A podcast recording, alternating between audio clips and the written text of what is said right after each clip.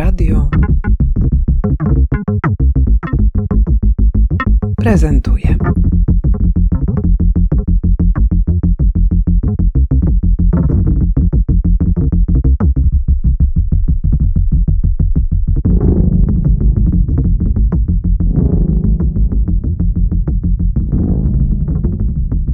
Nazywam się Krzysztof Grześków, jestem architektem, mieszkam na Obinie we Wrocławiu i napisałem dzienniki ze swojej podróży Forma e, Człowieka. To była podróż, podczas której postawiłem 8 pomników e, w różnych miejscach na świecie, w Libanie, w Tajlandii, w Meksyku, w Stanach Zjednoczonych. I, i tyle o mnie. Kim jest, hmm, jakby to nazwać, e, ten pomnik? Komu on jest poświęcony?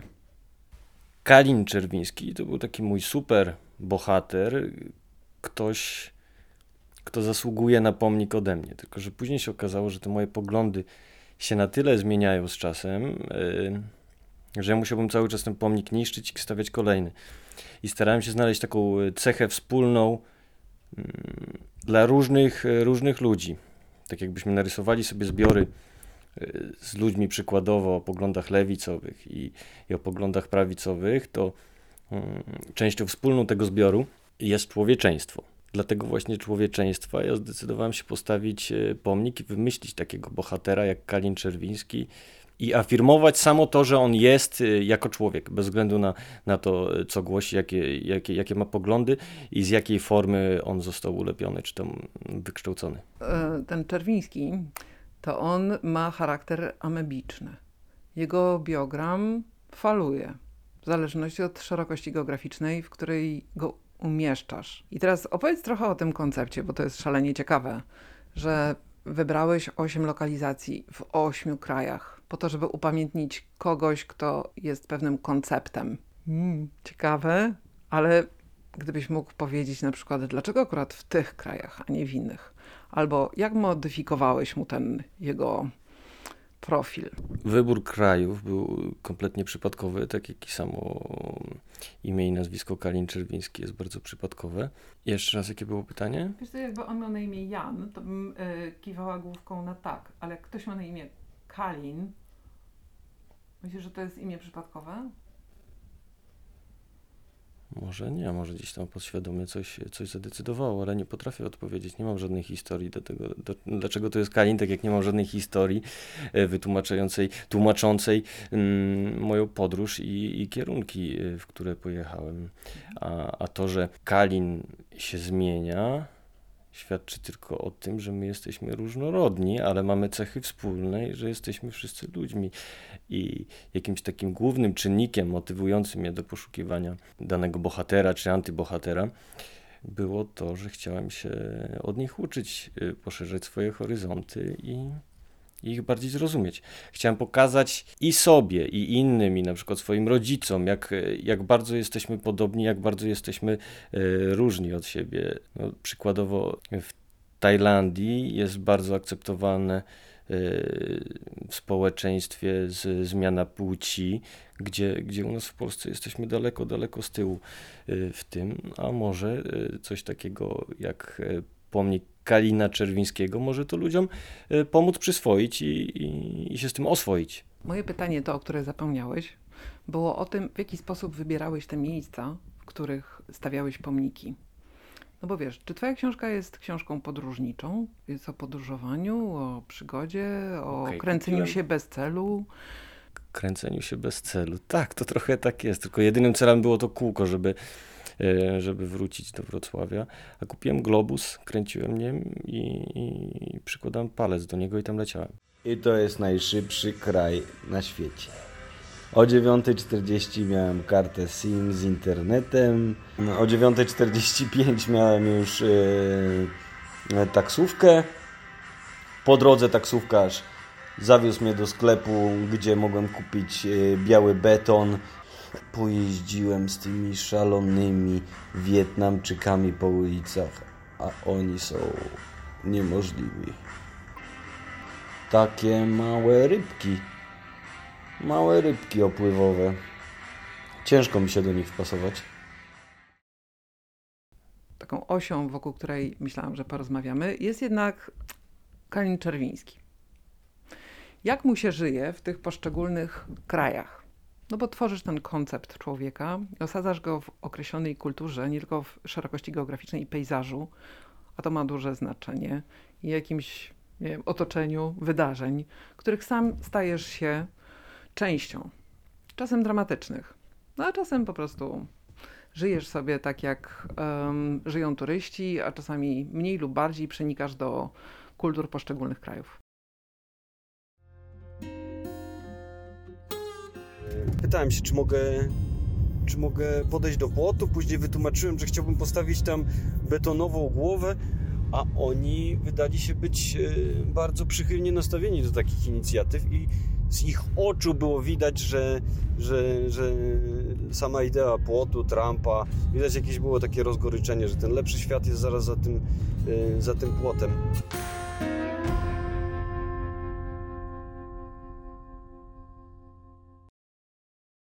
Bo to oczywiście jest bardzo subiektywne. Ja y, na początku mówiłem, że Kalin Czerwiński jest to troszeczkę takim człowiekiem opisującym dane, dane społeczeństwo. Tylko ja nie chciałbym kogoś szufladkować i, i na samym wstępie zaznaczam, że to jest bardzo, bardzo, bardzo subiektywne.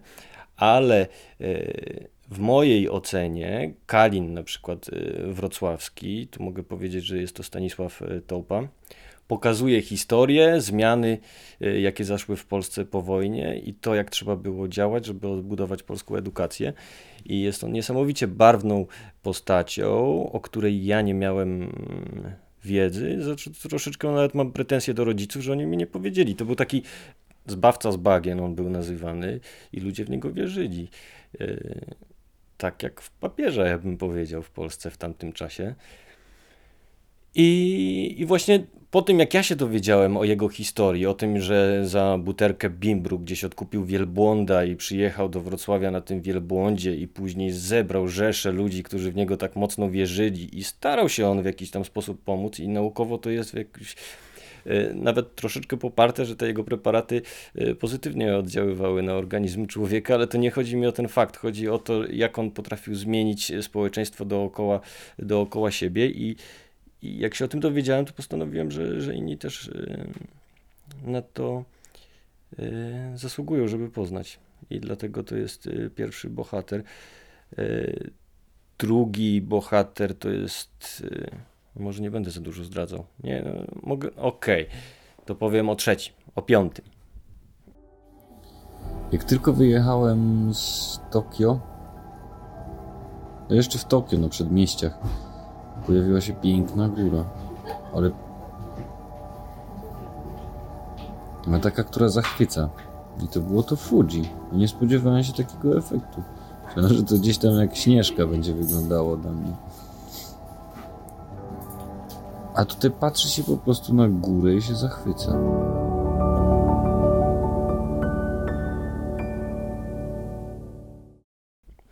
Piąty bohater antybohater, to jest człowiek, który urodził się w Kobe w Japonii, wyjechał na studia do Paryża, dlatego że jego rodzice odesłali go, bo przejawiał zapędy kanibalistyczne.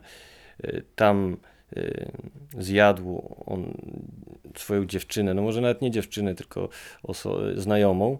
Y, wrócił do Japonii po, po dwóch latach i tam teraz chodzi, y, chodzi na wolności, nagrywa filmy i, i pisze książki. Dla mnie to troszeczkę pokazuje, i to znowu to jest subiektywna ocena, ale dla mnie to troszeczkę pokazuje nastroje w społeczeństwie, bo ja, będąc w Japonii, chodząc po ulicach Tokio, czułem, że każdy gdzieś tam dookoła trzyma jakiegoś e, trupa w szafie. No i stąd ten, ten bohater. No ale Czerwiński tak naprawdę jest też y, taką esencją w sensie wizualnym ten pomnik. I dokładnie tak samo wygląda we wszystkich swoich odsłonach, w każdej lokalizacji, w każdej szerokości geograficznej. Teraz, gdybyś mógł trochę więcej opowiedzieć o tym stawianiu pomniku, bo to nie jest żaden koncept, to nie jest żadna przenośnia, tylko w każdym z tych miejsc, z lokalnych materiałów, produkujesz ten pomnik i gdzieś umieszczasz. No i tu jest też niesamowita historia z tym stawianiem pomników. Jak ty wybierasz lokalizację? Wiesz, jak to jest w ogóle, czy jest ci łatwo kupić te materiały? Przecież opisujesz to w swojej książce, że czasami to jest jakaś w ogóle walka o wiadro, no. Zacznę od tego, że forma była mi kompletnie obojętna, tak jak to piszę na pierwszej stronie dzienników. I pierwsza postać Kalina Czerwińskiego to była e, kupione po piersie od, e, od znajomego e, rzeźbiarza. Później zostało ono zniszczone i pomyślałem, że to trzeba poszerzyć skalę i ujednolicić te pomniki i kupiłem gdzieś formę silikonową do odlewu e, takiej głowy betonowej. Ona waży jakieś 30 kg, ma 50 na 30 na 40 cm w takim drewnianym pudełeczku i woziłem ją cały czas ze sobą. I pierwsza rzecz, jaką, jak, jaką robiłem po lądowaniu, to żeby móc spać spokojnie, to jechałem do sklepu budowlanego. Tam kupowałem cement, kielnie, klej. Piasku zazwyczaj nie mieli, tak więc musiałem gdzieś e, biegać po mieście, szukać placu budowy i później e, pytać się, czy mogę, czy mogę go użyć. I, i to nie było, nie, nie, było to, nie było to trudne. Po przejściu tej bariery i przekonaniu drugiego człowieka, że ja naprawdę szukam sklepu budowlanego, no bo jednak nie mam kasku na głowie, kombinezonu i jestem na lotnisku z walizką i wyglądam raczej jak turysta, a nie jak budowlaniec.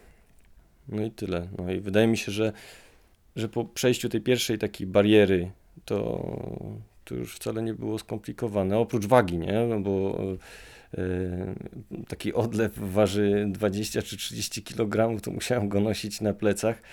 No i oprócz tego, że e, stawiałem go nielegalnie, bo, bo dookoła często te miejsca były bardzo, bardzo strzeżone, prawda? E, Znasz historię o, o Hezbollahu.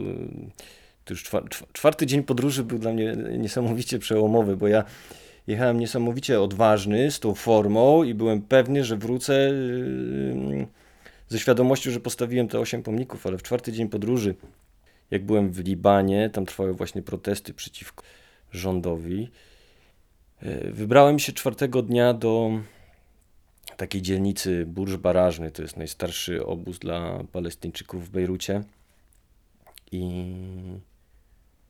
no i tam długo nie pochodziłem, bo zaczęło się wszystko tak albo to może teraz moja wyobraźnia mi tak podsuwa, że to wszystko było takie bardzo teatralne, nawet światło, bo ja każdy moment potrafię odtworzyć sobie e, z tamtej z, z tamtego czasu.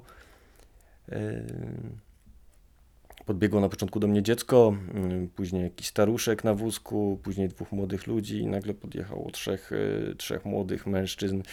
No, w moim wieku, tylko dużo lepiej zbudowanych, e, wsadzili mnie na skuter i, i wywieźli, zebrali dokumenty i, i porwali. Po paru godzinach i, i tłumaczeniach e, wypuścili mnie, ale później przekazali na policję. Ja cały czas jadąc tam żyłem ze świadomością, że jadę do, do Bejrutu, do, do mm, Paryża e, wschodu, bo tak to on jest gdzieś opisywany. I troszeczkę chyba za bardzo byłem pewny siebie i trochę tam za, za bardzo ingerowałem w ich środowisko. No i przekazali mnie na te, na tę policję i tam spędziłem noc w więzieniu w takich niesamowicie tragicznych warunkach. A później już cztery dni gdzieś tam w łóżku ym, płakałem, zanim się z tego otrząsnąłem i troszeczkę powstrzymało to moje ym, moją pewność siebie, ale gdzieś y, chyba już w Wietnamie ją odzyskałem.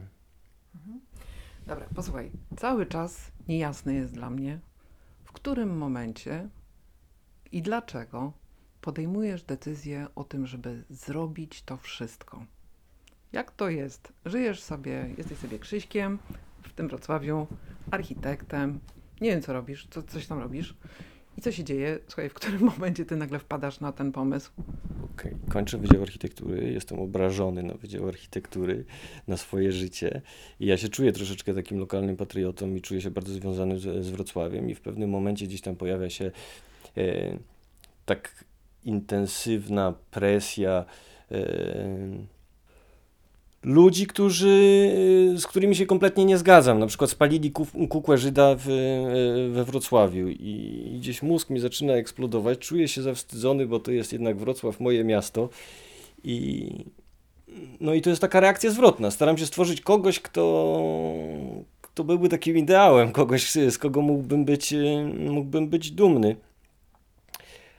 A później się to okazuje, y, że nie ma kogoś idealnego, że ja się na tyle zmieniam, że te moje ideały też się bardzo zmieniają.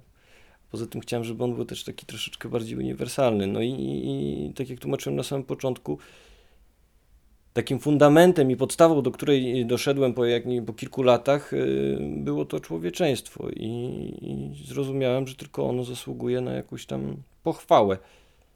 A, a człowieczeństwo może być opisane tylko różnorodnością i, i, i różnymi życiorysami. Jak długo pod- byłeś w podróży? 72 dni. No to jest, e, oczywiście wygrałeś e, z Juliuszem Wernem i 8 dni urwałeś. się z tym. 8 dni urwałem. No dobra, ale to też było wyzwanie logistyczne, tak? To, czy, ty- czy to, wiesz, czy ten, ta podróż miała dla ciebie bardziej wymiar taki e, jakiegoś fizycznego challenge'u, intelektualnego, czy w ogóle to była taka podróż w głąb siebie? Co było tego paliwem, wiesz, takim konkretnym? Chyba chęć ucieczki od jakiegoś takiego jednostajnego i tak bardzo ukierunkowanego życia architekta. Tak mi się wydaje. Skończyłem Wydział Architektury, założyłem pracownię i, i wszystko super dobrze trybi. Wszystko niesamowicie dobrze się rozwija, ale jak e, przychodzi wieczór, to zaczynam się zastanawiać, czy to na pewno w tę stronę powinno wszystko iść. I, i to była taka troszeczkę ucieczka też od siebie i, i chęć, em, chęć e, zobaczenia tego, jak, jak inni prowadzą swoje życie, no, jak inni ludzie, inne społeczeństwa, poszerzenia horyzontów. Tak, jestem, jestem zadowolony, chociaż ostatnio myślałem, czy jeszcze raz bym na przykład pojechał i robiłbym te rzeczy. Teraz już y, czy strach, czy może jakaś, y, czy może zmęczenie spowodowałoby, żebym chyba się nie odważył na taką. y, że nie wiem, czy miałbym na tyle chęci. Może już teraz już jakoś tak pesymistycznie mówię, może mi to jakoś wróci, ale, ale coś się zmieniło po tej podróży. A opowiedz jeszcze o tej, o swojej pracy, o byciu architektem. Co sprawia ci w niej jakąś satysfakcję? pomnik Kalina Czerwińskiego prawdopodobnie stanie teraz na Wydziale Architektury. Ja uwielbiam Wydział Architektury i to znowu też byłem obrażony po tym, jak skończyłem studia, a później już gdzieś te emocje opadają i, i zaczyna się tęsknić nawet do tego, co tam było wcześniej. Ale czego nie lubię w byciu architektem, że to jest przekładanie papierów i odpisywanie i nie kreowanie jakiejś tam pięknej rzeczywistości, pięknych rzeźb, monumentów wielkiej skali i spełnianie się, chociaż mamy tego też bardzo dużo, ale 80% naszej pracy to jest y, mm, przerzucanie się mm, z urzędnikami y, argumentami, często jakimiś tam niepopartymi nawet prawem, tak więc to jest tak jakby jakiś Chińczyk y, z Niemcem rozmawiał nie mając y, wspólnego języka i to, no to absurd procesu budowlanego sprawia, że chcę czasem od tego uciekać i może to też jest troszeczkę Ym, taka reakcja na to wszystko, na te, te wszystkie pozwolenia, które uzyskaliśmy. Może ten pomnik dlatego jest, y, przepraszam. Pewnie z urzędu dzwonią. Nie, nie z urzędu. Ym, tak więc może to jest reakcja. y, może dlatego ten pomnik też powstaje nielegalnie. Y, Ja, ja, ja zawsze tłumaczyłem, że nie dało się tego zrobić, no bo nie chcę robić siebie jakiego, no oczywiście ja chciałbym się poruszać w granicach prawa, tylko prawa, które służy ludziom, a, a nie prawa, które służy jakiejś takiej niechęci ze strony urzędników, no, albo tego, żeby przekładać coś na... Ty mówiłaś, że życie to chaos. Ja bym wolał, żeby ono jednak było poukładane trochę. Posłuchaj, to teraz na zakończenie e, o tej formie, która zbiera te twoje doświadczenia, czyli o książce. Tak? Wydałeś książkę. Czy możesz o tym opowiedzieć? Od razu pojechałeś z taką myślą, że ta książka zostanie wydana? Y, Zaopatrzyłeś dodatkowo jeszcze tę książkę w ten w audiobooka, wiesz, no opowiedz trochę więcej o tym, O tym, jak porwał mnie Hezbollah, o tym, czym jest ping-pong show, o tym, że komunizm nie jest taki zły, o tym, że pieniądze to czasem wszystko, o tym, jak masturbują się w Japonii, o tym, że Ameryka jest plastikowa, ale piękna. Można przeczytać w książce Forma człowieka. Zamieniłeś to swoje doświadczenie w zestaw narzędzi, które nam, odbiorcom, pomogą e, poznać, no chociaż trochę, to, czego ty doświadczyłeś. Tak? Dlaczego wybrałeś akurat tę formę? Dlaczego książkę? Nie jechałem z zamiarem napisania tych dzienników. Dzienniki powstały po tej historii z więzieniem, bo po prostu nie wiedziałem już, o, mam z ciebie to wypluć, do kogo mam zadzwonić. I, I nagrałem to. I tak później nagrywałem każdego kolejnego dnia. E, Jak wyjeżdżałem, pojechałem tylko z formą. To miało być dla mnie przeżycie. I miałem wiedzieć, że jest osiem takich, e, takich pomników. A, ale po tej historii z, z Hezbollahem i, i z więzieniem zacząłem nagrywać, a jak już wróciłem, to, to zacząłem przepisywać, a później jak już przepisałem, to e, zredagowałem, a później to jeszcze zrobiliśmy materiały promocyjne, a później audiobook i to już tak jeden, drugi, trzeci, aż w końcu gdzieś to się urwie i przerzuci na, e, na, inny, na inny projekt może, nie? Część, ym, bo ja tego domykającą wydaje, to, wydaje mi się to twoje doświadczenie, to jest twoja decyzja o tym, że zysk ze sprzedaży tej książki przeznaczasz na określony cel. Przychód ze sprzedaży książki jest przeznaczony na syryjskich uchodźców przebywających na terenie Libanu. A dlatego jest to dla mnie ważne, bo zobaczyłem i chyba najbardziej doświadczyłem tego, tego ich dramatu życiowego. Na początku chciałem jechać do Syrii. Jeździłem tutaj do Warszawy ze trzy czy cztery razy. Sarp napisał mi e, list poparcia, nawet z Politechniki dostałem list poparcia, bo chciałem sprawdzić, e, jak zmieniły się ich e, warunki życiowe, jak architektura tymczasowa zmienia się w stałe rozwiązania i dlatego też wyszedłem, poszedłem do tego obozu burz barażny w Libanie, ale po tym jak już nogi mi się ugięły czwartego dnia, zrezygnowałem, nie pojechałem tam. To w celi byłem też z Syryjczykami i zobaczyłem, jakie oni mają problemy. No, no, no to jest dla nas niewyobrażalne. To jest. y, Opowiem o, opowiem o, mm, o prawie, które rząd libański wprowadził do zabudowy mm, zde- zdefiniował zabudowę e, tymczasową. Wyobraź sobie, że Syryjczycy w tych wszystkich obozach budowali wszystko, wszystko na dziko, prawda? No nie było pozwoleń na budowę, no to jest sytuacja dramatyczna i wymaga, no nie, nie można pozwalać na to, żeby jakieś prawo e, pozbawiało kogoś, e, kogoś domu. No on ma prawo na, do schronienia. Budowali to przez kilka ostatnich lat. Libańczycy się zdenerwowali w pewnym momencie i przyjęli definicję e, zabudowy tymczasowej i określili, że nie może ona sięgać powyżej trzech, e, trzech cegieł wysokości, reszta musi być konstrukcje namiotowe i jeśli ktoś się nie przystosował do tego, to mm, wyobraź sobie, że uciekał z, z wojny, gdzie stracił dom, przyjechał, wybudował sobie prowizoryczny dom i po dwóch czy trzech latach przyjeżdża koparka i mu burzy, bo mówi, że ten dom ma mieć trzy cegły wysokości. I no i dlatego cały dochód, y, przychód z książki jest przeznaczony na to, żeby chociaż tam te parę groszy przekazać, y, przekazać im, bo dla nich to może będzie troszeczkę więcej niż dla nas, na pewno. A gdzie teraz pojedziesz? Dokąd? Masz jakieś potrzeby? Pojechanie gdzieś? Polska? Afryka. Ja bardzo chciałem zawsze do Afryki pojechać, ale to jeszcze nie są zdefiniowane plany. Nie, nie potrafię ci określić. Nie? To takie luźne spostrzeżenie, prawdopodobnie do Afryki.